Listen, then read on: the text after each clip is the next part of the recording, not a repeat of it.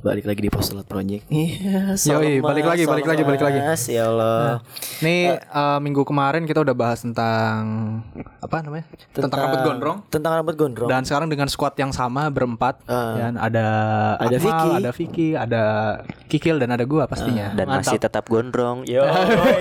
kita masih tetap masih memperjuangkan masih ya. gondrong. Tetap mempertahankan Banyak- mempertahankan Ini padahal kita recordingnya barusan tadi gondrong Iya. ya. Seolah-olah terlihatnya kayak minggu satu lalu minggu gitu. Jadi kayak kita masih punya spirit untuk ngobrol bareng banyak gitu di season-season kali ini, season, Yoi, season yoi. gitu kan. Mantap. Eh, di sini kita mau bahas tentang masalah win-winan nih. Win-winan. Nah, Hmm. jarang sekali kita ngebahas tentang win-winan karena menurut kita apa sih kita bahas win gitu kan jarang Hmm. banget gitu untuk ngebahas win gitu loh dan baru sekarang kita ngebahas win dengan dinamika-dinamika yang ada di win ini sendiri Hmm. Eh, dan kita bakal ngebawa isu yang menurut kami eh menurut kami sosokan lu lah Iya. menurut kami tuh kayak eh, akan terus dibaca dibicarakan tiap tahun dan akan terus menjadi isu hangat tiap tahun juga nggak pernah habis dari zaman orde baru Betul sekali. Eh, itu tentang politik kampus di UIN Yoi. Ya, oke Jack. Eh, lu, gue mau memulai pertanyaan. Kan lu adalah orang yang berasal Ini, ini dari kita mapping dulu nih anggotanya. Akmal adalah anggota PMII. SSDM. Oh ya. PMI yang SSDM gitu loh.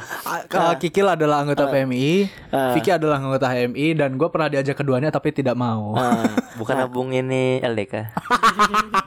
parah LDK. Gimana sobat PKS?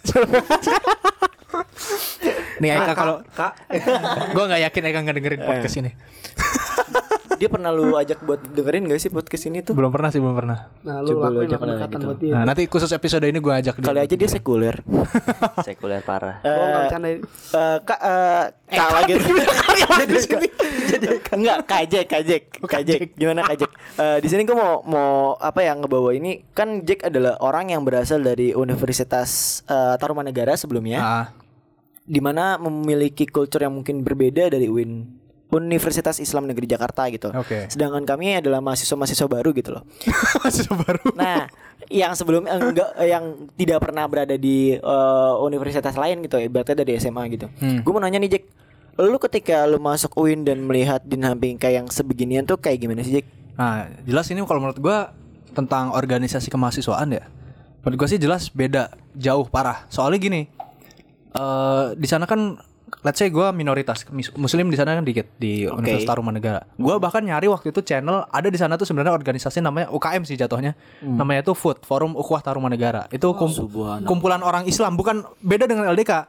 Kalau LDK kan maksudnya orang Islam yang pengen berorganisasi Islam gitu. Organisasi Islam yang Islam gitu. Ah, nah kalau di sana tuh kumpulan orang Islam lebih tepatnya. Kerumunan. Mereka berkumpul. Mereka berkumpul gitu. Tapi Makanya tidak tapi, tapi tidak kebo. Tapi kucing. ini jadinya apa namanya? dan berimbun nggak Enggak, emang anjir. ada aduh takut Jadi maaf, organisasi yang di sana tuh yang food itu mereka ya cuman orang Islam kumpul doang gitu. Makanya kayak eh, kan kalau LDK kan pasti semuanya berkerudung gitu kan. Oke. Nah kalau di sana ya enggak enggak semua gitu, cuman beberapa orang doang. Nah kalau di sana tuh malah gue ngeliat pride-nya dari organisasi itu adalah organisasi fakultas atau jurusan memang. Hmm. Jadi kayak gue di FE ada namanya BEM Untar, eh BEM FE. Iya. Terus kayak eh, yang akuntansi ada Imakta, ada Imanta. Ini sekarang bahkan saking ini ya, gua gua nantang semua yang lu pada di sini dan semua teman-teman yang denger, Hmm. lu cari, lu sekarang buka HP, buka Google, Oke. cari BMFT, BMFT Fakultas Teknik ya. Iya, coba. Itu gua jamin lu pasti nemunya itu random. Maksud gua ada BMFT UI, BMFT apa, BMFT apa gitu. Atau misalnya lu nyari BEM FK gitu. Pasti random juga, banyak BEM FK yang bakal keluar. Tapi kalau lu ngeklik, ngeklik BEM FE, pasti untar yang pertama, yang satu lembar tuh pasti cuma untar doang. kenapa emang Jack Karena kita emang kaderisasinya bagus dari bawahnya itu dan Oh, iya, organisasi. Tuh coba aja lu lihat. Bener cuy. Langsung untar cuy. Walaupun sebelumnya UNJ. Iya. Enggak, tapi coba pasti Nggak, ada langsung untar tuh. Nah, langsung untar kan pasti. Ah. Karena kita memang maksud gua gini, kebanggaan gua selaku mahasiswa ekonomi pada saat itu adalah kan gua anggota BEM juga gitu kan. Hmm. Emang sekalinya ngadain acara-acara gede kayak Economics itu acara kita tuh booking GBK satu komplek gitu. Oh. Jadi emang GBK benar kita booking semua gitu satu komplek. Dan itu ngebuat pride dari organisasi kita gitu. Nah, di saat di UIN gua ngelihat pride-nya itu bukan organisasi jurusan atau organisasi fakultas, tapi ya pride-nya itu adalah organisasi ekstra gitu, HMI atau PMI dalam konteks kayak gini gitu. Nah, eh gue melihat kontradiksi yang besar di UIN adalah ketika lo lebih bangga mencirikan diri lo sebagai organisasi ekstra ketimbang fakultas lo sendiri gitu loh. Nah. Di sini di di satu fakultas banyak sekali organisasi-organisasi dan rata-rata tuh menggolongkan diri mereka tuh sebagai oke gue HMI, oke gue PMI, oke gue eh, LDK dan Nah, lain-lain IMM gitu. IMM kami dan lain-lain nggak pernah ngomong oke gue visip, gue visip, gue visip gitu loh. Eh, dan ini menjadi suatu hal yang baru gitu loh menurut gue gitu karena eh, kok ada yang kayak gini ya gitu. Sedangkan gue punya teman-teman di UI, di UNJ nggak sebegitunya gitu loh. Nah, betul. Nah dari kawan-kawan yang eh, terjun ke dalam organisasi Ormawa ini gitu, kayak Vicky, kayak eh, Kikil gitu loh. Menurut lu tuh, lu ngeliat kayak gini tuh kayak gimana sih gitu? Ketika lu keci eh, berkecimpung lah ibarat kata, nyemplung gitu ibarat kata. Ini Nah. dari Vicky coba. Vicky lu masuk gimana tuh? Lu kenapa lu bisa masuk coba? Nih pertanyaannya bagus ya. bagaimana masuk? Tapi kalau nggak nanya bagaimana keluar? Waduh, bercanda bercanda. Tidak dikasih tahu. Jadi kalau misalnya menurut pengalaman gue sendiri sih waktu itu eh gue kebetulan masuk UIN ini tahun 2017 lewat jalur SNMPTN. Oke. Ini benar waktu itu pokoknya eh, mas- Oh jalur rapot. Dia ada dapat. Tidak berjuang. Berjuang gua berapa lima semester. Lu cuman berapa minggu? Kagak cuy, gua gua dari usaha ngelobi guru untuk dini, dinaikin nilai gua, gua udah udah sebegitunya loh. Cuman gara-gara waktu itu pas SNMPTN gua salah masukin nomor, gue gagal gue SNMPTN gua.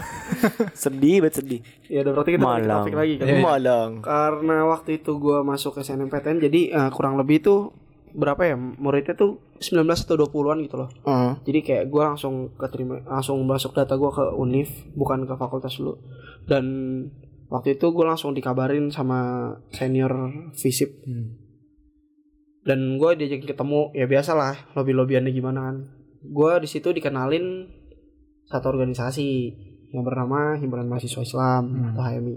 Dan sebelumnya gua kurang mengetahui tentang eh, dinamik eh dinamik tentang UIN gimana gitu loh maksudnya. Ya, Ternyata tentang peta begini, peta iya. politiknya gitu ya. Dan salahnya eh, salahnya gue ini gue cuman tahu waktu itu cuman satu doang tuh yang HMI doang. Mungkin kalau misalkan gue sebelum masuk UIN udah nge-search dulu t- gimana kultur di sana, mungkin gue bisa lebih milih lagi mungkin ya. Iya. Oke. Atau enggak gue punya pilihan banyak gitu maksudnya kan. Sedangkan waktu itu kan gue cuman dapat satu doang. Eh gue cuman tahu Oke, ada oh, ini HMI doang gitu dong. gini, Iya gitu doang. Ya gitu sih paling. Ah, Tadi oke. nanya apa sih? Ya gimana lu bisa masuk itu ngejawab sih. itu Iya, ngejawab gimana sih, lu bisa masuk? Kalau Rafliansyah gitu loh. Nah, Ini Rafliansa S now S Kikil. S no S kikil gitu.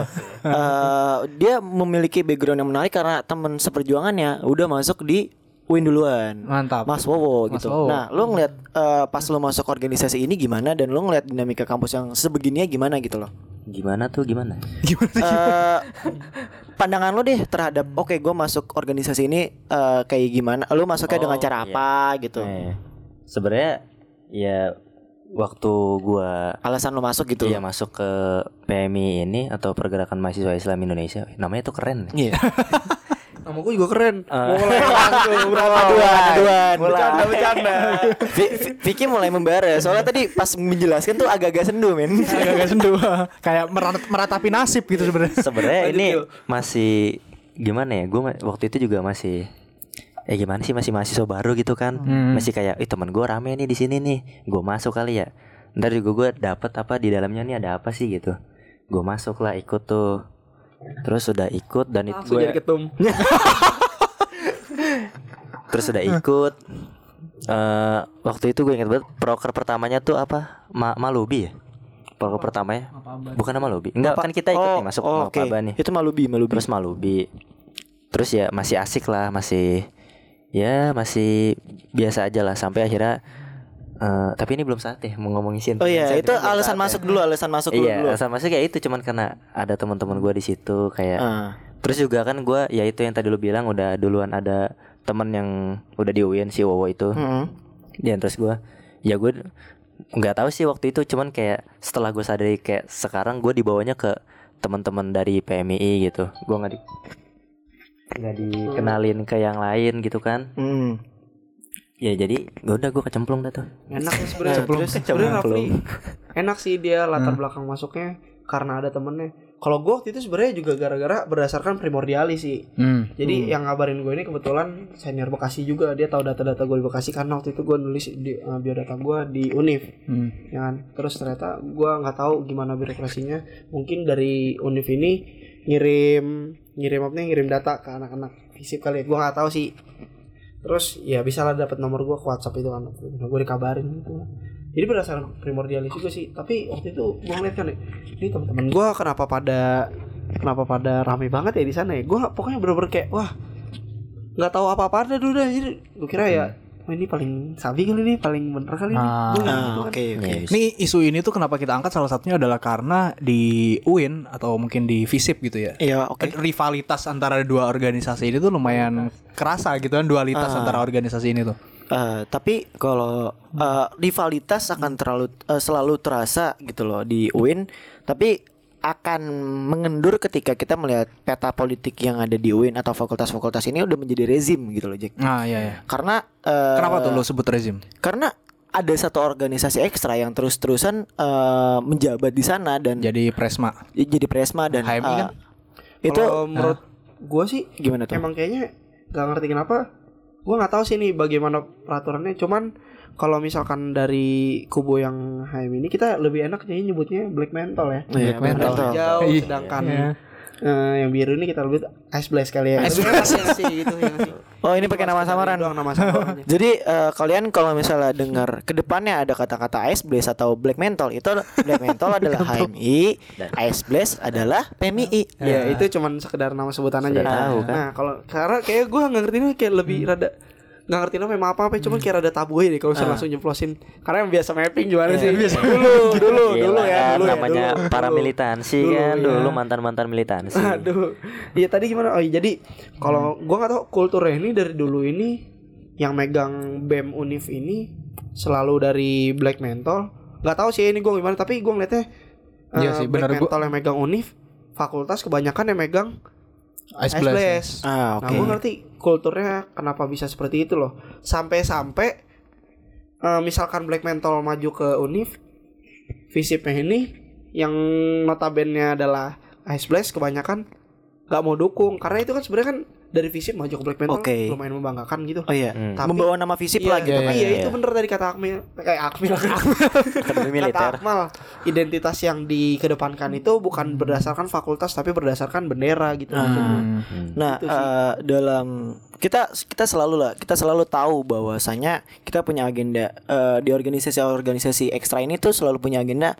Oke, nanti lo di bulan Desember atau akhir bulan eh, atau semester akhir semester ganjil ada pemira dan di awal semester ganjil ada PBAK gitu loh. Dan Ya, itu dua event yang relatif besar dan menjadi sasaran organisasi ekstra ini. kan. jadi agenda yang akan terus Agenda rutin. dijalankan Tapi gini apa namanya? di situ. Tapi gini deh, Udah gua, jalan di situ. gua gua selaku orang netral gitu yang Oke. tidak ikutan dua-duanya, gua ingin tahu Lu dari netral kok sekarang?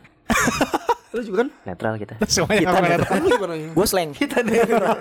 Enggak gini apa? Gua pengen tahu lu pada tuh pernah nggak sih eh, itu apa? ngekader maba tuh? Oke, ngekader. Coba dari lu. Kalau gue kalau gue sadar betul bahwasannya ketika kita ngomongin masalah kader, ngomongin masalah internalisasi nilai gitu loh. Nah. Kita pasti akan condong ke kelompok mana yang kita akan akan bawa gitu loh. Hmm. Gue akan terus berusaha untuk bersikap netral dan bersikap oke ini ada plus minusnya loh di sini, eh, oh di sini ada ini loh. Gue bakal Berarti lu bukan kader yang baik ya sebenarnya. eh kader yang jujur dan tidak baik itu menurut gua relatif sih kalau Enggak, dalam maksud gua sini, gini dalam loh. konteks ini. Kalau misalnya ngomongin masalah kader yang baik akan selalu ngomong bahwa kelompoknya itu baik gitu loh. Ya, benar. Sedangkan gue adalah kader yang jujur. Berarti bukan kader yang baik. Lu bukan gimana, Gin? baik. Lu pernah nggak? ini bis jawabannya bisa dua sebetulnya Kan gini, maksud gua kita kan udah semester 5. Berarti Oke. lu punya dua adik. Iya. Ah. Nah, ah, berarti ada dua seenggak dua Nah. tahun seenggaknya lu melakukan Iya. kaderisasi. Iya, nah, lu pernah nggak? dua tahun ini gue menjadi mentor yang di mana mentor ini disuruh mengkader Oh gitu. berarti pernah. Tapi apa yang akan dilakukan? Jujur ya dia depan anak HM ini. Eh, depan, anak Black Mental ya. kalau anda anda berteman dengan saya, Iya. anda tahu lah, saya ini orangnya bodoh amatan. Jadi meskipun disuruh mengkader, gue merasa tidak, karena kalau misalnya, ya gue menjalankan tugas gue untuk menjelaskan budaya, Akademik. Iya, Ya, budaya- Namanya juga PBAK kan. budaya apa namanya di FISIP ini nggak nggak sesimpel ya kuliah gitu-gitu aja, cuman ada budaya-budaya organisasi ekstrak yang di mana ini apa ya bisa dibilang mempengaruhi kehidupan perkuliahan di UIN ini kan. Nah, gue menjelaskan itu. Cuman kalau misalnya dibilang mengkader gue juga mengkader. Cuman mungkin dengan cara yang berbeda. Oh, di mana tidak secara frontal iya gitu. karena ada yang mahasiswa kayak gini.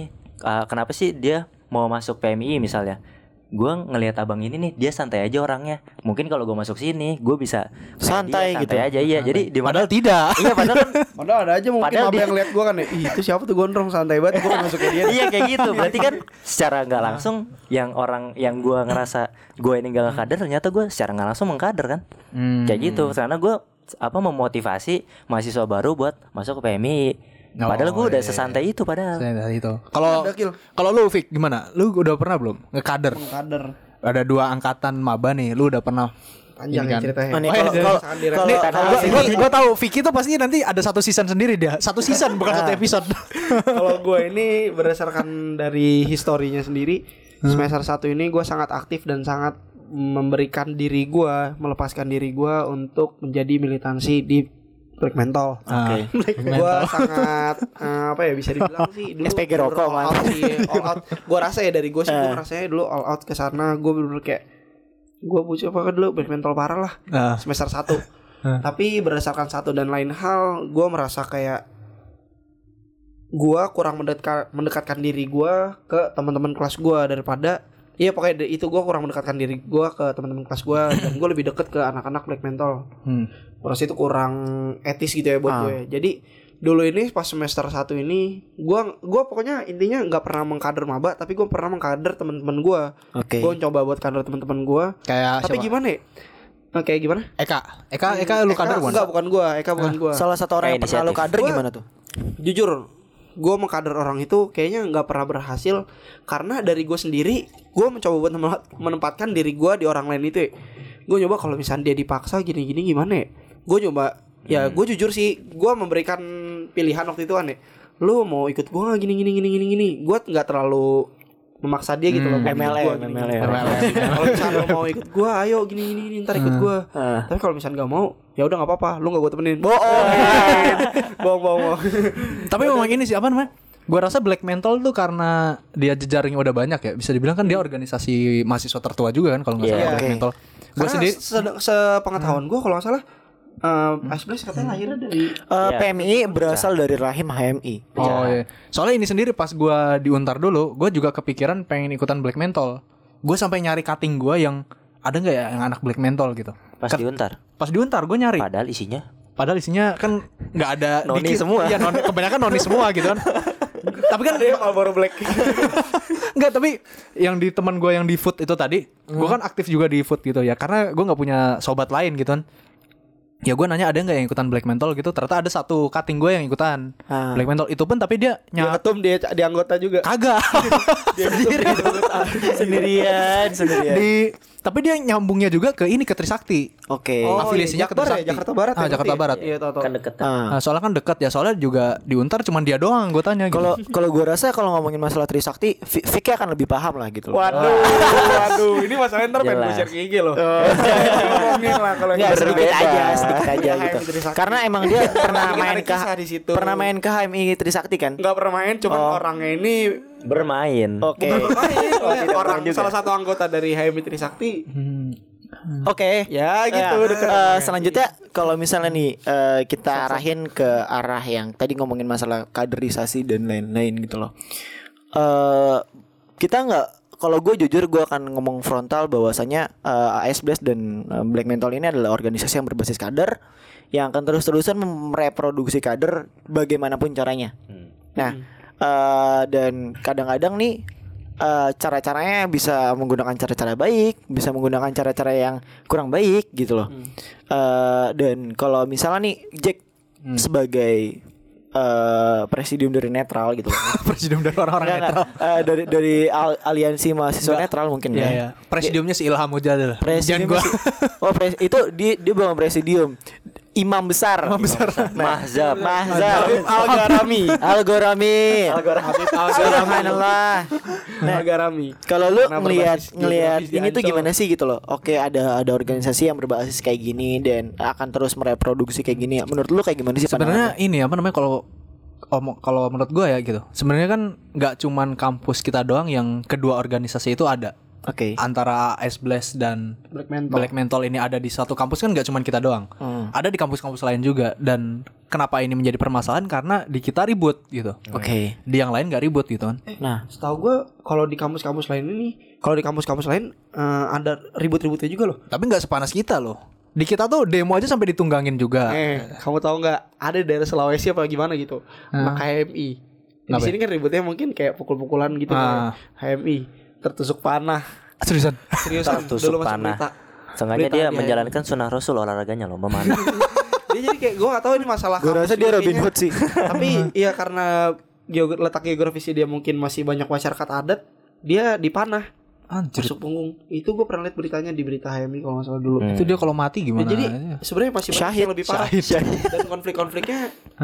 Bukan cuman di UIN Jakarta doang itu, ada di UIN enggak UIN mana Ini kalau- kalau UIN gue udah tahu semua pasti ada. Semua UIN tuh Iya. ada. UIN itu memang menurut gua uh, kulturnya itu organisasi ekstra sih menurut gua eh Ah. setahu gua ya orang di mana-mana UIN kulturnya organisasi ekstra Dan- beberapa kampus juga uh, ada yang kulturnya organisasi ekstra kayak Nah, contohnya temen gua Unair dia uh, kulturnya yang sama yang uh, yang apa nih yang jadi kapital di sana antara HMI tapi lawannya GMNI justru Oh, kalau di sini kan Hmm. kita kan Black uh, HMI lawan PMI kan Hmm. Iya. kalau di luar-luar biasanya HMI lawan GMNI terkhusus di kampus-kampus yang umum karena Oke. kan buat orang-orang yang non Islamnya mau kalau mau bergerak Oh ya dia ada tempatnya, ada PMI, wadahnya. jadi masuk ke GMNI gitu Nggak, bukannya NU punya mau cabang Kristen, jadi bisa nggak tahu deh. PMI cabang Kristen. coba tanya sama Ini kader-kader.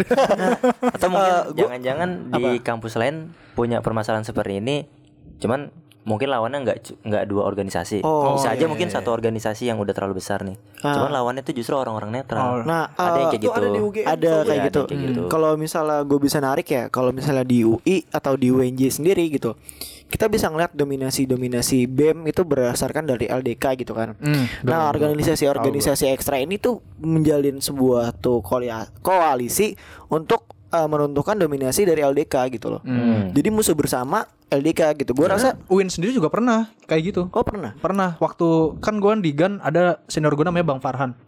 Dia tuh tadinya itu kan waktu tahun 2000 berapa gitu. Dema itu pernah dibekukan sama rektor. Iya Oh, pernah. Oke, pernah. Nah, Pernah cerita juga kok Pak Agus. itu kan apa namanya? Waktu Dema dibekukan sama rektor, rektorat bikin suatu badan yang menjalankan semua proker Dema. Nah, itu tuh sebenarnya anak-anak LDK semua isinya. Wow. Hmm. Dan ya katanya ya Ah, dan salah satu senior gue itu yang di sana gitu. Nah, waktu Dema dijadikan lagi, isinya anak-anak LDK semua gitu. Karena emang udah mapan di sana. Karena gitu. udah mapan di sana posisinya. eh balik ke hal-hal yang mungkin Hmm. eh, kan kita udah ngomongin masalah kaderisasi dan lain-lain gitu loh. Kadang-kadang kaderisasi tuh eh dianggap dianggap menyebalkan karena oke lu jelek-jelekin organisasi gua tapi jelek eh, bagus-bagusin organisasi lu doang dan Hmm. ngomong masalah yang borok-borok ya gitu kan kayak ngomong kayak apa ya ya pasti adalah aja lah gitu trik-trik dari teman-teman untuk mengkader orang-orang lain gitu loh Hmm. eh kayak semisal kalau gua ngebahas masalah kampus di UIN ini adalah suatu hal yang kita tuh selalu punya cabang atau ranah eksistensi gitu kan. Ya, ya. Di UIN ngomongin masalah eksistensi hanya akan keluar dua, satu di PBAK dan dua di pemira di, di pemira gitu loh. Mereka kan terus-terusan kayak ngegambarin oke gue ini gue ini gue ini gue ini gue ini gitu. Tapi eh ya udah gitu terus-terusan di situ gitu. Karena kita nggak punya wadah lain gitu kayak semisal olahraga dan lain-lain gitu. Gue selalu ngebandingin UIN dengan UI gitu. Ya mungkin gue punya kecemburuan sosial di UI gitu loh. Karena gue ngerasa di UI ketika kita supporteran kita tuh menggambarkan diri kita tuh sebagai fakultas kita. Ya, betul betul. nggak pernah ngomongin masalah organisasi di sana ekstra tuh kita gitu. apa namanya eh solidaritas tuh solidaritasnya solidaritas fakultas Hmm. bukan Identitas organisasi yang ditunjukkan fakultas gitu Nah, ya, betul. Iya. organisasi. Hmm. Nah, identitas kolektifnya kayak gitu. tapi menurut gua nggak ini sih sebenarnya karena kita ribut lagi-lagi kan tadi kan udah lu pada sebutin kalau rata-rata kan UIN yang sebenarnya ribut beginiannya Hmm. itu ada mungkin gue bisa narik ini karena eh, politik Islam di kita juga masih kuat di Indonesia sendiri ya Oke. gitu di kita maksud gue politik Islam memang politiknya orang Islam itu yang paling menentukan arah bangsa ini politiknya ke arah mana gitu loh Oke. suara orang Islam ke mana ya udah dia yang bakal mimpin gitu Hmm. makanya semua orang berlomba-lomba menjadi orang Islam Atau atau mungkin yang yang lain di Islam-Islam kan gitu ah loh. bener. Nah, eh, ngebahas lagi tentang ngomongin masalah organisasi ekstra gitu loh. Dari kalian tuh gambaran organisasi organisasi ekstra tuh eh, hari ini tuh kayak gimana sih? Dan bagaimana kalian menentukan sikap di mana? Mungkin kayak lu masuk organisasi ekstra ketika lu nggak aktif lu punya beban-beban sosial gitu. Entah itu diliatin dengan sinis kah? Entah lu diliatin dengan cara-cara yang lain kah? Lu ngegambarin ini kayak gimana sih gitu? Pandangan lu terhadap kayak gini gimana sih gitu? Mungkin dari Kikil atau Vicky gitu ngegambarin. Kalau dari gue sendiri sih eh, dulu gue punya pandangan organisasi ekstrem dulu ya semenjak yang waktu pas gue masih aktif-aktifnya. Hmm. Dulu ini gue jadi militansi di Black Mental dan gue menganggap organisasi ekstra ini sebagai alat gue buat jadi mahasiswa yang jauh lebih maju gitu, lebih bergerak. Eh maksudnya lebih Lebih bergerak. maksudnya Lebih bergerak. mau jadi PMI dia lah ya gitu ya. Tempat berproses lah. ah tempat berproses nah kan Nah, eh, tapi ya gue nggak tahu sih. Ini menurut pandangan gue doang. Gue punya pandangan-pandangan sendiri. Ternyata setelah gue meng- mengetahui lebih dalam lagi Hmm. sampai akhirnya gue memilih buat ya udah gue pengen netral-netral aja gitu loh Pasif lah ya gitu. Eh, pasif. Karena dulu karena gue nggak tahu sih ini cuma sekedar asumsi gue doang. Karena kita bebas ya buat berpendapat. Iya. tapi pendapat gue sendiri ini organisasi ekstra ini dijadikan alat buat menjadikan em, punya kekuasaan kekuasaan gitu Ah, Gua- itu sih menurut gue sendiri Tapi di Visip sendiri kan maksud gue gini, gue juga kenal beberapa orang yang ikutan HMI juga selain lo gitu. Kalau lo sendiri kan udah relatif pasif gitu. Iya. Nah sebenarnya yang kayak masih militansinya tinggi banget tuh masih ada nggak sih? Hmm, sebenarnya masih ada dan itu menurut gua kenapa dia kan, eh, tingkat militansinya itu masih tetap bertahan karena menurut gua mungkin dia eh, teman-teman lingkungan yang biasa dia tongkrongin itu Oh, berkecimpung di hal yang sama. Mungkin dia sering main ke Iya. cabang juga segala Iya, macam gitu. mungkin. Jadi menurut gua eh, di mana lingkungan lu di situ, lu juga ber, pasti bakal berpengaruh sama lingkungan lu ya nggak Oke. sih. Kayak contohnya ya dulu gua main sama anak-anak HMI, jiwa-jiwa ber-HMI gua makin tinggi ya nggak sih. Mari ber-HMI, mari Pokoknya setiap, setiap jalan tuh dia kayak seolah-olah nyanyi kami dan Yo, tak man, penuh Patriot Patriot HMI. Gembira Jadi gitu kan. menurut gua mereka yang sampai sekarang masih bertahan, gua jujur ya, gua kasih tahu, gua kasih tahu dari sekarang, gue ini nggak menganggap organisasi ekstra ini negatif dan juga nggak menganggap organisasi ekstra ini positif juga. Gue mau coba buat kayak punya pandangan netral tentang ini gitu loh ya. Hmm. Hmm, gue jujur ya gue malah mengapresiasi orang-orang yang mau berproses dalam organisasi ekstra ini. Kan terserah mereka juga soalnya. Terserah mereka juga. Gue nggak mau coba buat ngejudge gimana gimana sih. Setidaknya dulu kan gue pernah jadi kayak gitu juga gitu. maksudnya loh. Kalau misalnya dari Rafli gimana nih? Saya tidak pernah Tidak pernah militan. Militansi. Ya nggak tahu sih orang menganggapnya gimana. Cuman ya gua rasa gua nggak pernah gitu apa sampai rapatnya mager.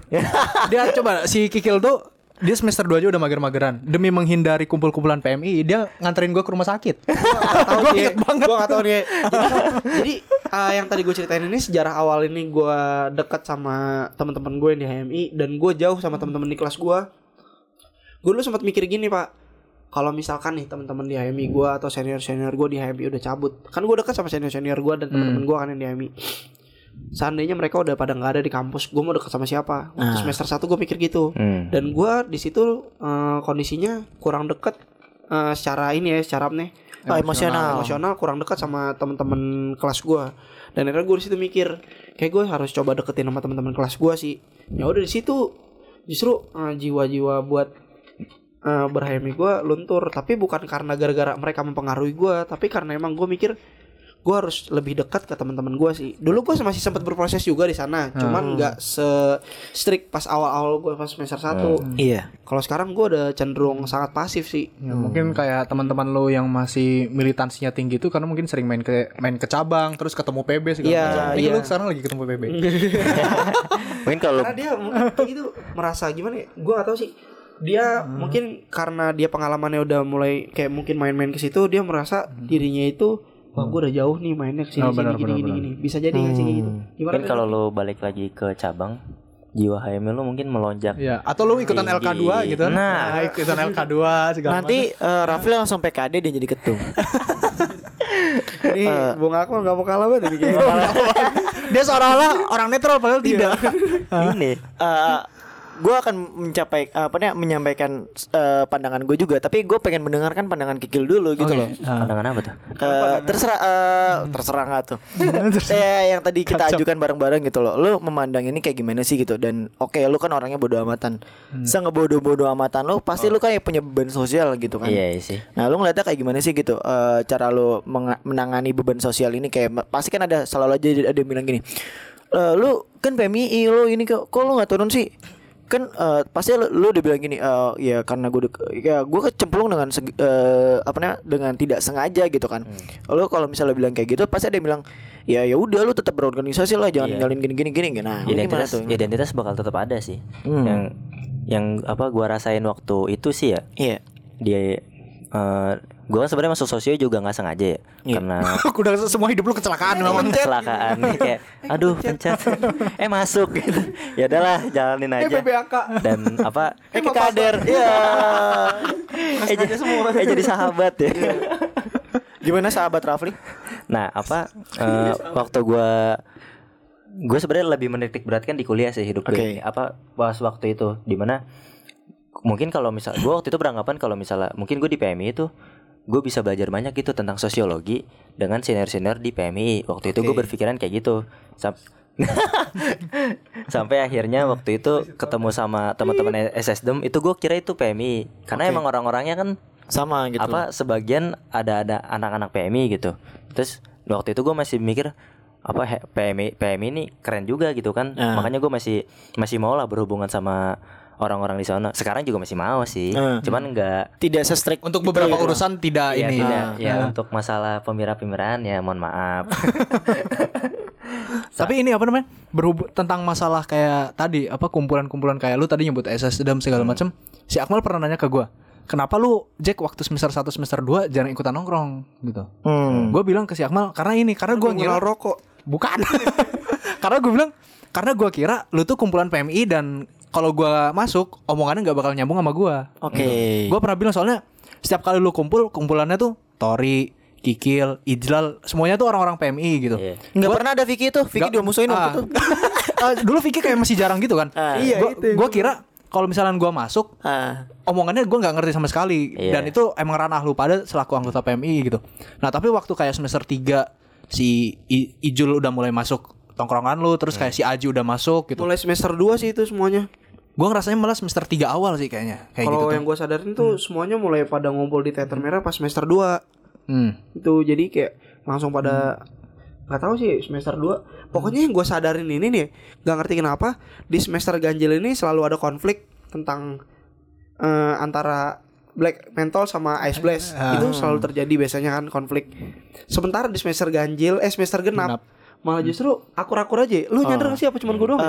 Eh, itu kayak emang udah jadi pola ya karena Iya. momen-momen pemira kan pem- pemira itu kan biasanya ganjil tuh Nah. ya mungkin gara-gara itu nah Mira dan pas PBAK semester 2 khususnya. ini lagi pada nyatu tuh gue juga mikir teman-teman gue udah pada udah pada santuy nih gitu kan kali ya. Semoga gue diterima deh gue. Pesan gitu dulu kan. tuh gue mepingin dia tapi tapi ya itu apa seenggaknya semenjak kayak lu udah mulai masuk terus kayak Aji yang udah jelas Aji kan jelas-jelas nggak ikutan. Terus kayak Iqbal Iqbal terus kayak tahu Ijul kan, Aji ketum sebenarnya Anjir. Nah, terus Pokoknya baru. kayak anak-anak yang netral tuh udah mulai ikutan nongkrong di TM. Nah, gue baru masuk. Ah. Soalnya gue mulai ngerasa, oh ini kayaknya aman deh gitu. Gue bisa masuk deh gitu. Ya udah gue masuk ya nih ya.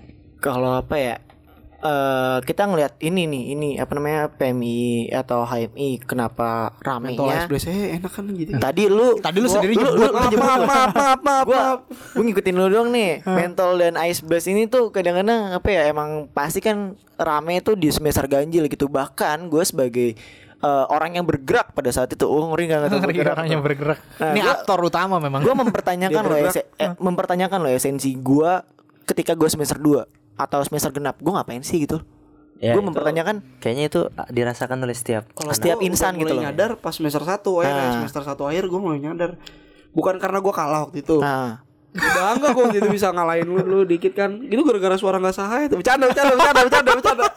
Lu nggak tahu pada masanya Pada masanya. Lu nggak tahu gue nahan berapa orang biar nggak nyoblos. Lu gak tahu kan temen lu sendiri Gue Iya. jadi ngobrol. Iya. Terus milihnya ke ya Dulu, dulu ini coba nggak tahu dulu. gue nggak ngapa-ngapain. Nah jadi eh, dulu Tadi bahasa apa sih? Lupa gue eh eh, kegelisahan ketika semester genap. Oh iya. Eh, Kalau gue nyadar mulai pas semester 1 sih Akhirnya gue nyadar nih. Gue kayak kagak ada deket-deketnya nih sama temen-temen kelas gue nih anjir. Hmm. Yaudah lah udah deketin lah. Nah karena gue nggak tahu sih gue nggak bisa fokus di banyak hal. Jadi gue mau nggak mau sedikit rada jaga jarak sama Black Mentol malah gue coba buat fokus deketin ke teman-teman kelas gue dulu kan. Karena emang relasi terdekat gue yang bakalan gue ntar temuin terus anak-anak kelas gue gue nggak bisa nih kalau misalnya jauhin anak kelas gue kan. Ya udah di situ gue mulai sadar kan ternyata dari kemarin gue ngapain juga ya gini-gini? Nah, ini malah coba gue mau ngerasanya malah semenjak gue ini kok gue malah ngerasa kayak terpolarisasi gitu kan di kotak-kotakin nah Tapi ini, ini a- apa namanya? Kalau gua sendiri ngelihatnya tentang polarisasi ini, apa namanya? Gue ngelihat sekarang kayak udah mulai cair sih. Entah karena kita yang semesternya udah mulai gede atau misalkan emang suasananya menjadi cair gitu. Iya. Kayak misalkan ini apa namanya? Eh pas Himasos kemarin ngadain yang futsal bareng. iya, nah, itu gue apresiasi benar-benar tuh, makanya gue ikut gitu. Ah. Karena gue ngelihat emang dari siapa ketumnya Zamzam ya? Ah. Dari ketumnya sendiri Zamzam gue ngelihat dia emang berusaha untuk mencairkan suasana gitu. Iya. Nah gue sendiri gue nggak tahu kemarin-kemarinnya kayak gimana, mungkin lebih panas atau gimana. Hmm. Tapi gue berharap karena tahun ini adalah tahun angkatan kita gitu. Iya. Siapa pun yang maju, gue harap dia bisa menjadikan militansi itu militansi jurusan gitu. Mal jelas. itu gue setuju banget sih kalau misalnya gitu ya Jelas lah. Eh, balik lagi kayak misal sering kali kenapa gitu eh, organisasi kader ini kan ngomongin masalah kuantitas ya. Hmm. Kuantitas tanpa eh, banyaknya kualitas gitu kan. Eh, sering kali kita mikir gitu, eh, anjir kader gue banyak ya, cuman kok yang aktif cuma 12 orang ya gitu. Hmm. Itu jadi kayak krisis batin sih menurut gua gitu. Dan eh, sering kali harus kita lihat ini sebagai suatu hal oh, pasti ada yang salah nih. Nah, kadang-kadang organisasi ekstra atau orang yang berada dalam kemapanan kemu- kepenguasaan gitu. Kadang-kadang mereka nggak evaluasi kenapa ya kayak gini ya, kenapa nggak kayak gini ya. Nah, itu ya hal yang harus di eh, apa ya? dipertanyakan kembali apakah hal-hal yang gue udah lakukan ini benar gitu kan. Kan jadi kayak gitu. Jadi kayak pertanyaan lagi gitu loh. Tapi jangan-jangan nih ya, Hmm. apa namanya? Kita ini terlalu menuntut. Menuntut kenapa tuh? Eh, apa? Kan kita masuk nih. Hmm. Terus kayak lu tadi kan, di sini gua ngapain ya?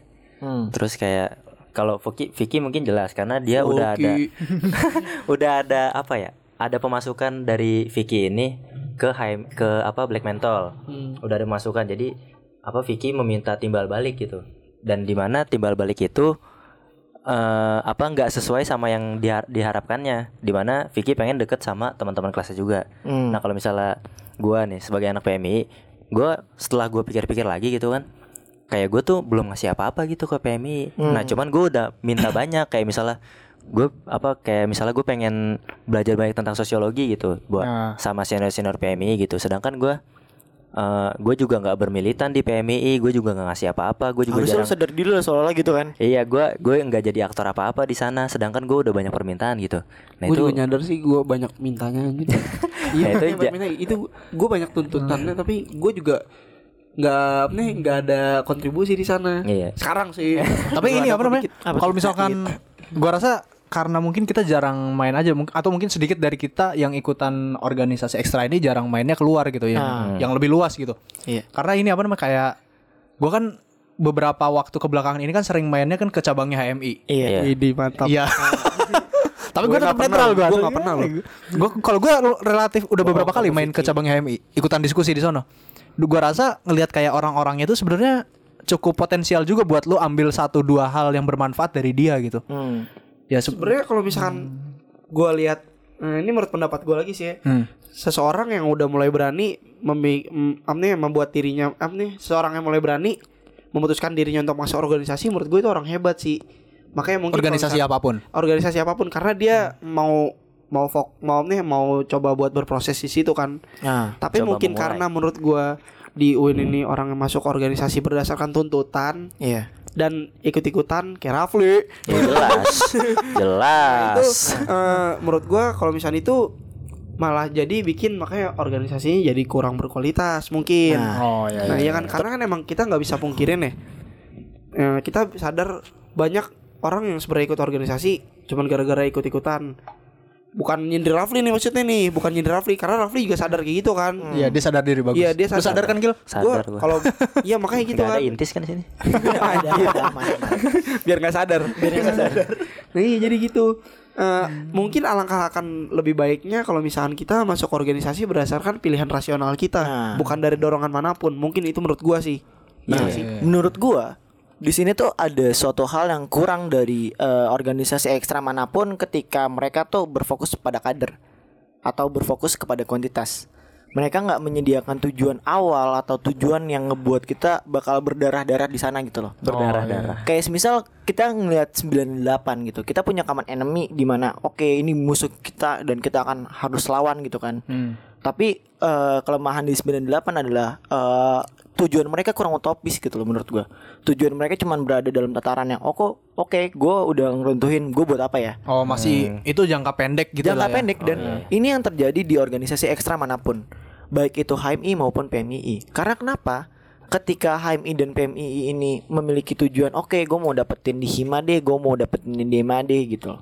ketika mereka udah kayak gitu oke gue udah dapet lu mau ngapain Nah, Oh, itu nah, yang sering terjadi. itu yang sering terjadi dan gue ngerasa eh, kayak gue mau ngapain sih di sini Hmm. gue mau ngapain sih gitu jadi kayak mm, kehilangan tujuan yang sangat-sangat utopis gitu loh Iya. Kalau menurut gue semenjak mereka udah mendapatkan kekuasaan kayak contohnya udah dapat Dema F atau Dema U, Mhm. justru itu salah satu jalan mereka buat melanggengkan Kekuasaan. pengkaderan menurut gue. Nah. iya, Oh, ya makanya bisa dari situ dia mencari kan lu setiap lu udah masuk ke dalam sistem oke dan lu bebas eh, bukan bebas sih maksud gua lu bisa bikin peraturan-peraturan dan Iya. lu bisa berada dalam perekrutan punya power gede lah ya lu gitu. punya power di sana karena lu berada dalam sistem dan itu eh, lu melaksanakan pengkaderan di sana sehingga ntar menjadi regen, regenerasi Hmm. nah itu mungkin ntar bakal berlanjut berlanjut kalau menurut gue itu malah Iya. tujuannya Itu emang agenda utama dari organ ekstrak itu sih. Karena di mana karena mereka kalau mau ngapa-ngapain ya mereka harus megang kekuasaan itu. Karena kalau misalnya mereka nggak megang kekuasaan itu, ya mereka mau ngapain? sotoy-sotoyannya gue doang sih nih tapi gue malah justru berasumsi kalau misalkan organisasi Islam di UIN ini cuma menjadi kendaraan politik doang Nah, iya, lagi-lagi itu gue mungkin salah gak sih kalau misalnya ngomong gini gue gak tahu gue takut dapet Ini sangat-sangat benar loh. Ini benar sangat kan benar, soalnya- subjektif. Soalnya kayak menurut gue gini apa namanya? Kayak tadi lu bilang salah satu tujuan utamanya punya kekuasaan di kampus adalah permudah akses untuk kaderisasi. Kaderisasi kan artinya masa. Masa artinya orang banyak. Hmm. Nah, di saat organisasi ekstra ini dia ditunggangin oleh salah satu kepentingan politik praktis gitu, akan sangat mudah gitu untuk menggapai masa yang banyak gitu kan. Iya. Kayak gitu sih gue ngeliat. Ya contohnya lo mau jadi caleg terus lo punya adik-adik, tolong dong, tolong dong, tolong. Sal- dong. salah satunya kayak ini apa namanya kayak so- misalkan sebutlah Black Mental gitu. Ah. Sekarang Black Mental lagi ribut-ributnya katanya pengen dikasih kursi menteri muda sama Pak Jokowi Hmm. karena dia memberikan suara yang lumayan besar buat dia waktu pemilu kemarin. Iya. Salah satunya kan dari situ juga sebenarnya. Lu termasuk salah satu calon ini menteri mudanya lo. Em, Oh dia enggak boy, dia dia itu kampret, harus dia kampret. jadi itu harus kayaknya harus LK3 Eh iya dulu dia kampret, Dia dia harus LK3 kampret dulu parah. bohong dulu ya, malu-maluin lah semenjak deklarasi eh, ya kita nggak bakal bisa mungkirin lagi bahwa eh, UIN adalah salah satu wadah organik yang baik untuk belajar politik kampus. Karena banyak sekali yang bilang kayak UIN adalah rek, eh, adalah gambaran politik di Indonesia gitu loh. Miniatur. Miniatur, Miniatur, politik di miniatur. Indonesia gitu loh. makanya kalau misalnya ngomongin politik di Indonesia setidaknya gue pernah berkontribusi dalam bentuk politik dan masih dalam Politisi. dalam mikro Nah, iya politisi Anak-anak UIN tuh bener-bener jujur ya. eh, menurut gua nggak bakal buta-buta banget lah soal politik yang ada di Indonesia karena emang dia udah bercokol banget gitu di kampus. Tapi menurut gua gua yang gua sayangkan adalah di UIN atau mungkin di Indonesia sendiri gitu. Mereka tuh minim campaign. Hmm, campaign yang mereka jelaskan tuh ya cuman segitu segitu segitu doang nggak ada yang ngebawa isu baru yang oposisi selalu ngebawa isu tentang perubahan yang Oh, iya, iya. eh, yang udah berada dalam kepenguasaan selalu bilang ayo kita menjadi lebih baik lagi gitu nggak Tapi- nggak pernah ngomongin yang lain gitu loh Tapi ini apa? Gue senengnya tadi lagi-lagi benar apa tentang eh, miniatur politik Indonesia gitu. Karena kalau misalkan lihat dari spektrum ideologinya juga menurut gue bermacam-macam. Kayak misalkan HMI yang katakanlah Islam nasionalis gitu. Terusnya PMI yang lebih Islam tradisionalis dan eh, lebih progresif sedikit gitu katakanlah. Terus GMNI yang jelas lebih ke kiri. Ah. ya.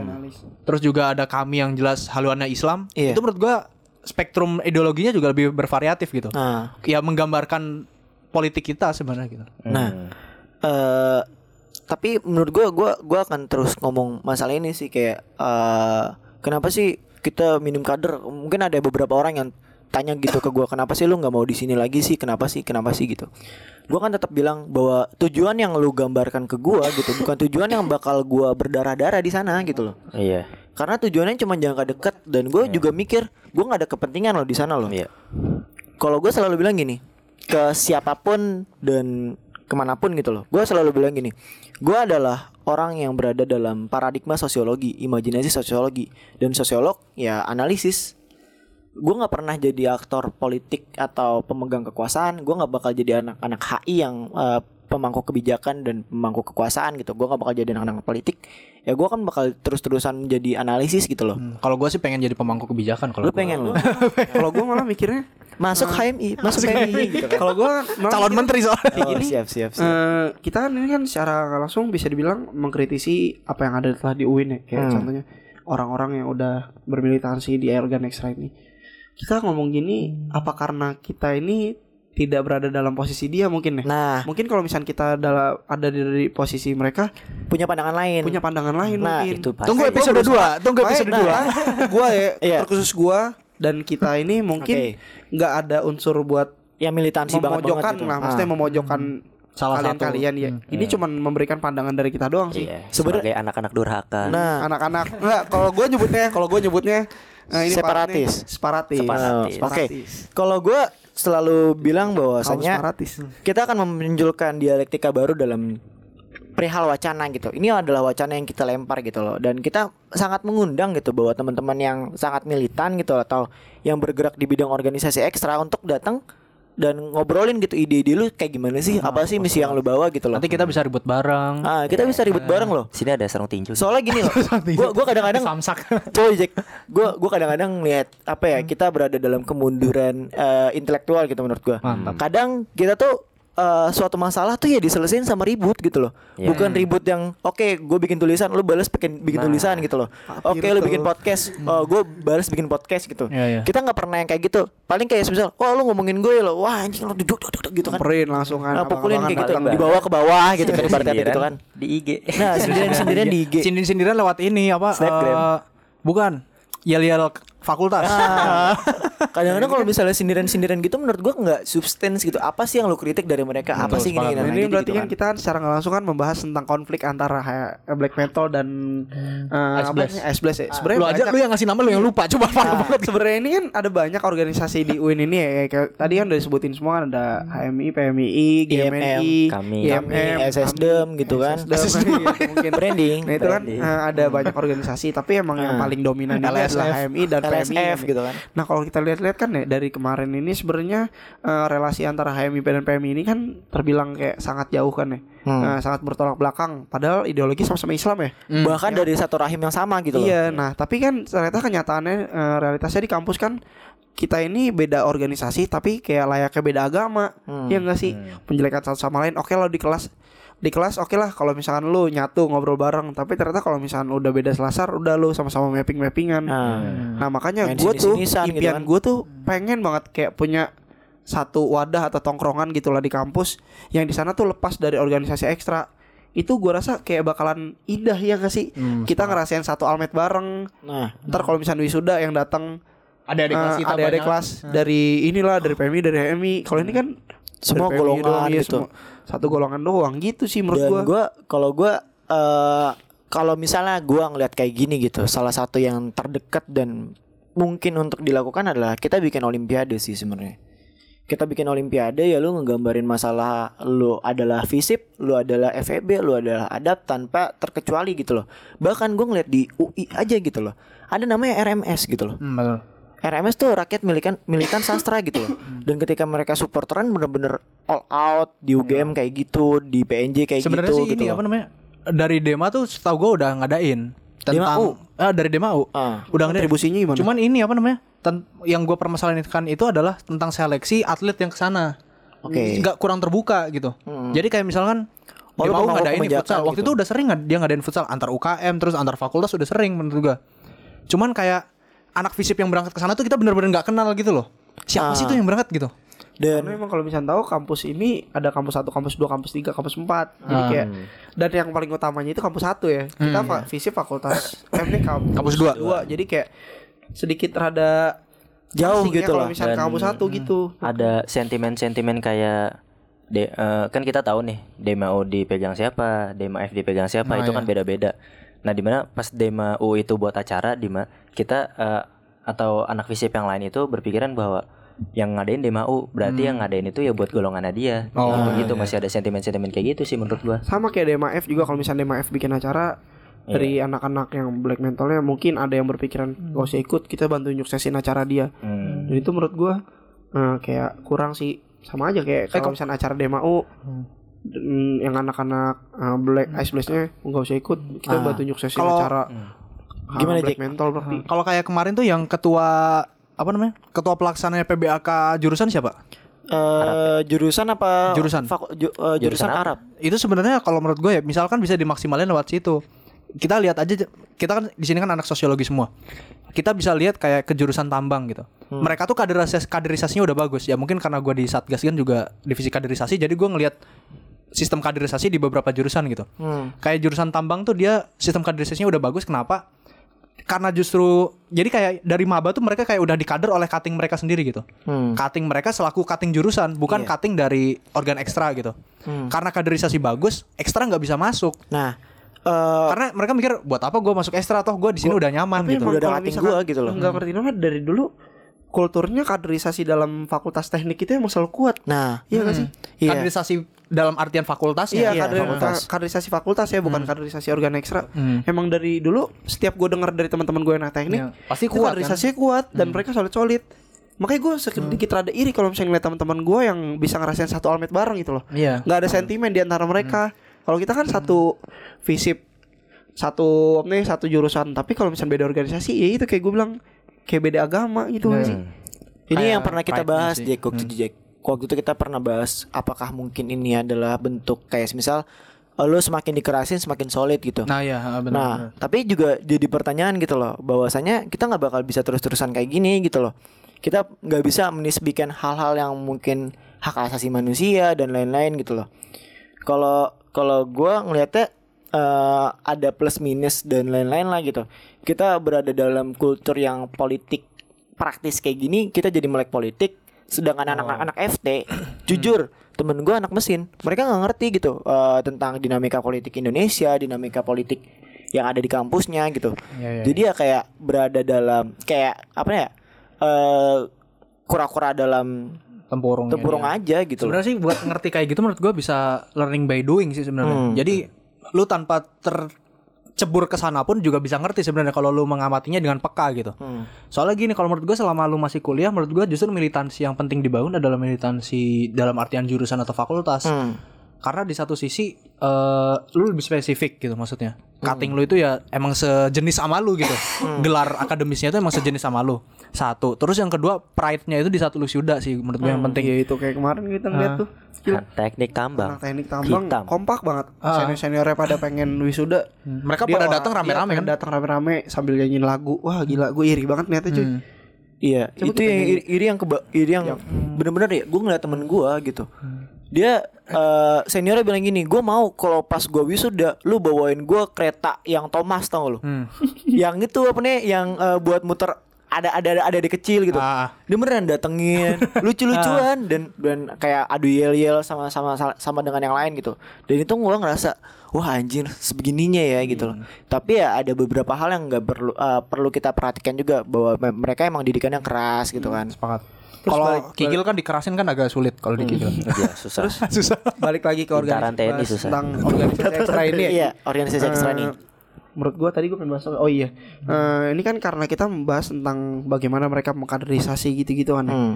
Tapi di sisi lain di sini tempat yang bagus juga buat berproses ya nggak sih? Hmm. Lo kalau misalnya emang lo tahu lo pengen ke mana, di sini bisa menjadi wadah, bisa menjadi wed- media kan. Kayak contohnya lo eh, lo suka menulis gini-gini kan. Di sini ada tempatnya mungkin lo pengen nulis gimana gini-gini di mentoring gini-gini gini. Tapi mungkin yang lebih dominannya ini di antara semua-semuanya ini adalah kaderisasi. Jadilah kita nge-labelnya eh, organisasi ini tempat kaderisasi gitu Ah. ya sih. Dan em, banyaknya. Oke, Kikil ngomong nih. Mungkin Rafli pengen ngomong. atau kita juga ini apa ya terlalu manja mungkin Iya. maksudnya Gue setuju sih mungkin itu gue eh, manja. Kalau gue emang anak manja. Kalau gue. Enggak maksudnya di kan kuliah ini kan emang tempatnya kita buat berproses. Nah, Nah di UIN ini kan emang ya disuguhinnya ya organ-organ ekstra gitu. Kulturnya begini. Iya kulturnya begini. Nah kita ternyata kita menolak atau ya ini nggak cocok sama kita.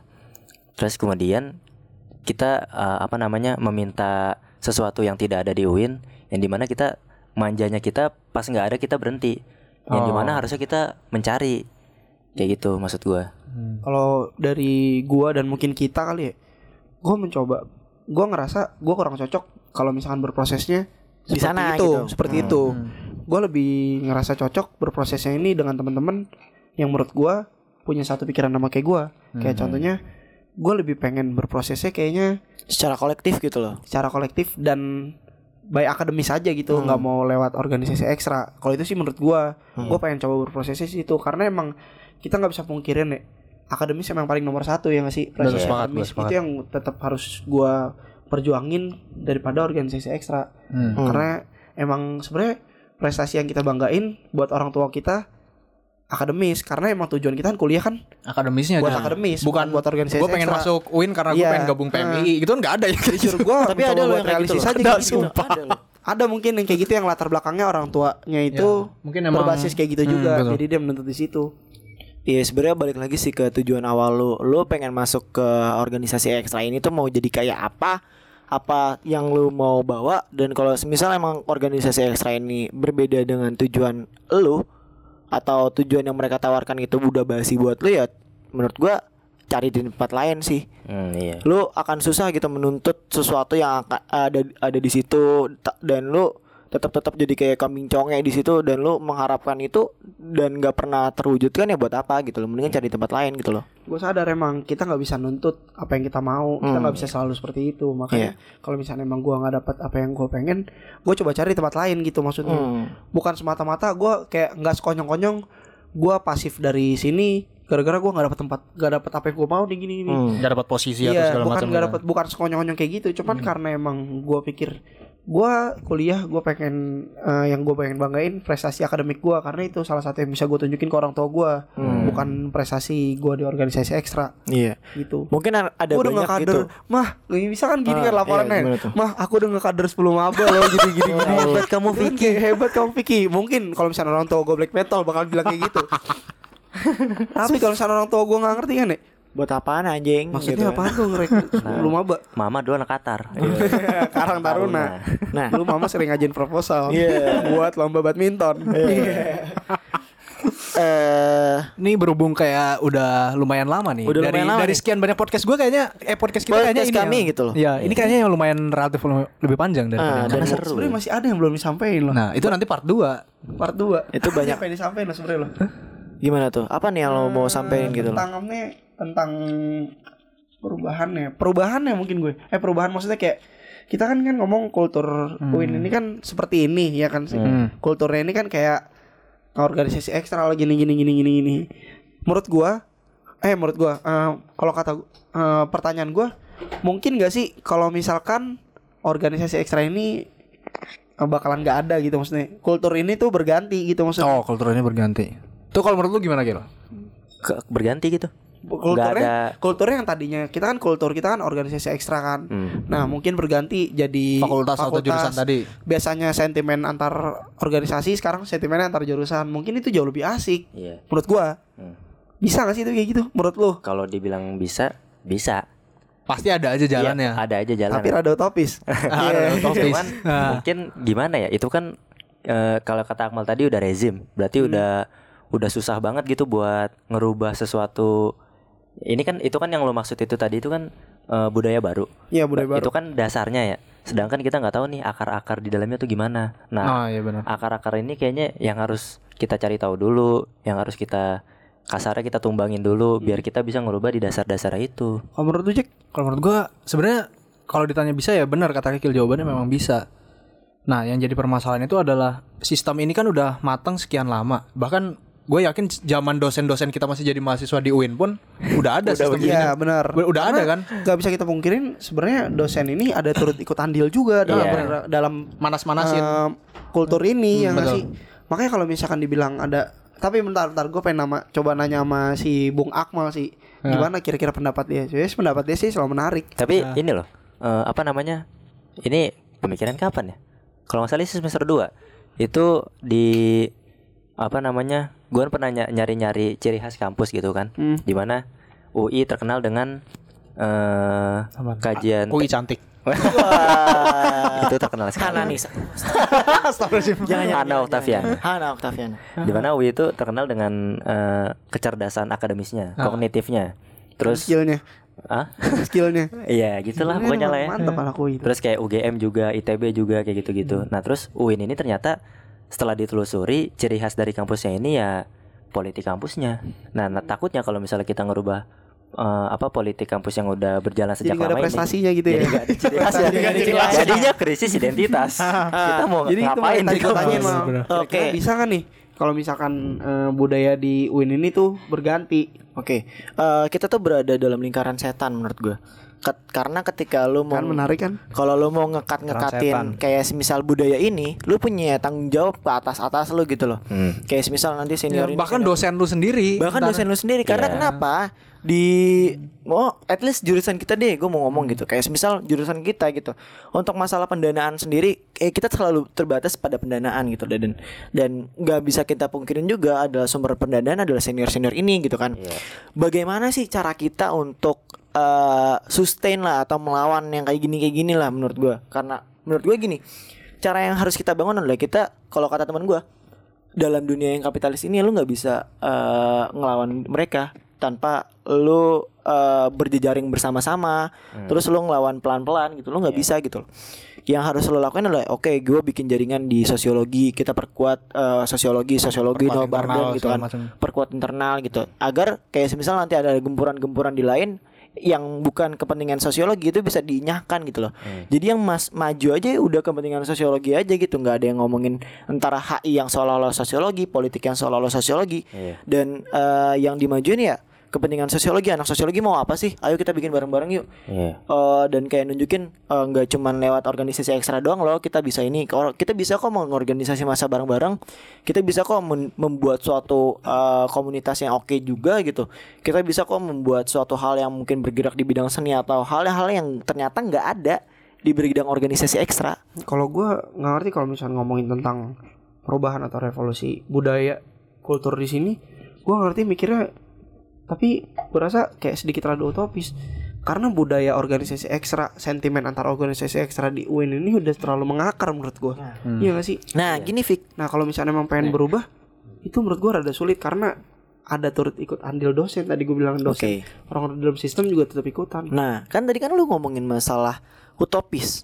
Hal utopis itu kadang kita butuhkan loh untuk mem- memunculkan inovasi-inovasi baru jadi mimpi gitu. loh. Sehingga untuk menjadi mimpi lu dan ketika lu udah berada dalam titik tertinggi lu, lu masih punya tujuan lain gitu untuk di eh, lakukan gitu. Dan ketika lu udah ke- kayak tadi gue bilang gitu orang ketika udah berada di tujuan awal dan punya ju- tujuan jangka pendek doang gitu loh ya udah mereka bingung mau ngapain gitu sedangkan kita udah melawan sistem yang sebegini ruwetnya ya kita tetap punya tujuan sampai kita mati gitu ya walaupun pasti ada aja gitu yang bilang ah lu mati konyol lu ah lu ini Kita akan berjuang sampai mati. Kalau mati ngacong aja Nah, seenggaknya tuh kayak oke eh, seolah-olah dalam buku sejarah, oh ternyata eh, angkatan ini pernah berusaha untuk meniadakan budaya ini loh gitu. Jadi kayak masuk ke dalam konteks historis aja sih gitu. Menurut gua sejarah itu berulang sih. Dan gue jujur gue sebenarnya waktu pas semester 2 itu bangga sih malah bangga sama jurusan gue dan angkatan gue Hmm. karena di angkatan kita itu kan Angkatan bersenjata. enggak angkatan Bersenjata kita ini kan nanti disebut. Ah, gimana tuh? punya pandangan lain tentang ini kan Ah. kita ini punya kemauan lain yaitu kita pengen ngerasain rahasia bareng-bareng tapi beda organisasi dan ju Ah. gue jujur gue lebih tentram kayak gitu pak Ah. Mm, ngecengin enak ya Iya. maksudnya ceng-cengan enak bercandanya enak gue Nggak- nggak perlu emosian gitu kan. dulu sih gue ya itu kayaknya kan dulu anda pernah militan gitu loh. iya dulu Ah. ya, kita kita kayak pernah deh Mungkin dari teman-teman kita nih eh ada yang ingin menyampaikan pesan-pesan terakhir. Mungkin ke dari eh, Jack sendiri nih sebagai sobat netral gitu loh. Coba netral. Lu boleh berorganisasi asal jaga asal tetap waras lah. Asal tetap waras. Udah ya, pendek aja gue. Kalau Vicky gimana Vicky? Eh, sekedar lu boleh juga berorganisasi Hmm. tapi lu tetap harus tahu ranah sih menurut gua Ah. waras tahu ranah, silakan. Bung Saya Kikil. banyak sih ya. Ini nih soalnya dari tadi dia nahan. gue justru banyak Ah. cuman ya udahlah lu ya Ah. Iya. Eh, manusia itu kan punya kebebasan. Hmm. Eh, asik, iya benar itu. Iya, ke ketika lo memilih untuk berorganisasi ya silakan apa kecem, uh, kecemplung sedalam-dalamnya gitu. Hmm. biar sekalian Berproses tahu sekeras-kerasnya iya gitu. sekeras-kerasnya gitu. Biar sekalian tahu busuknya di mana bagusnya di mana gitu-gitu.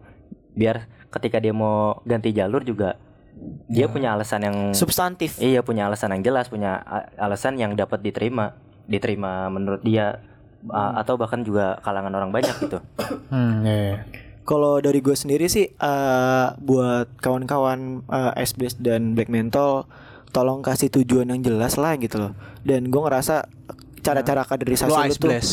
Eh, gue ice blast dan gue gue juga gue juga sampurna merah gitu loh. Nah, gue gue bilang gini, cara-cara yang udah lu kasih ke maba-maba atau apa pun itu menurut gue udah kuno lah gitu.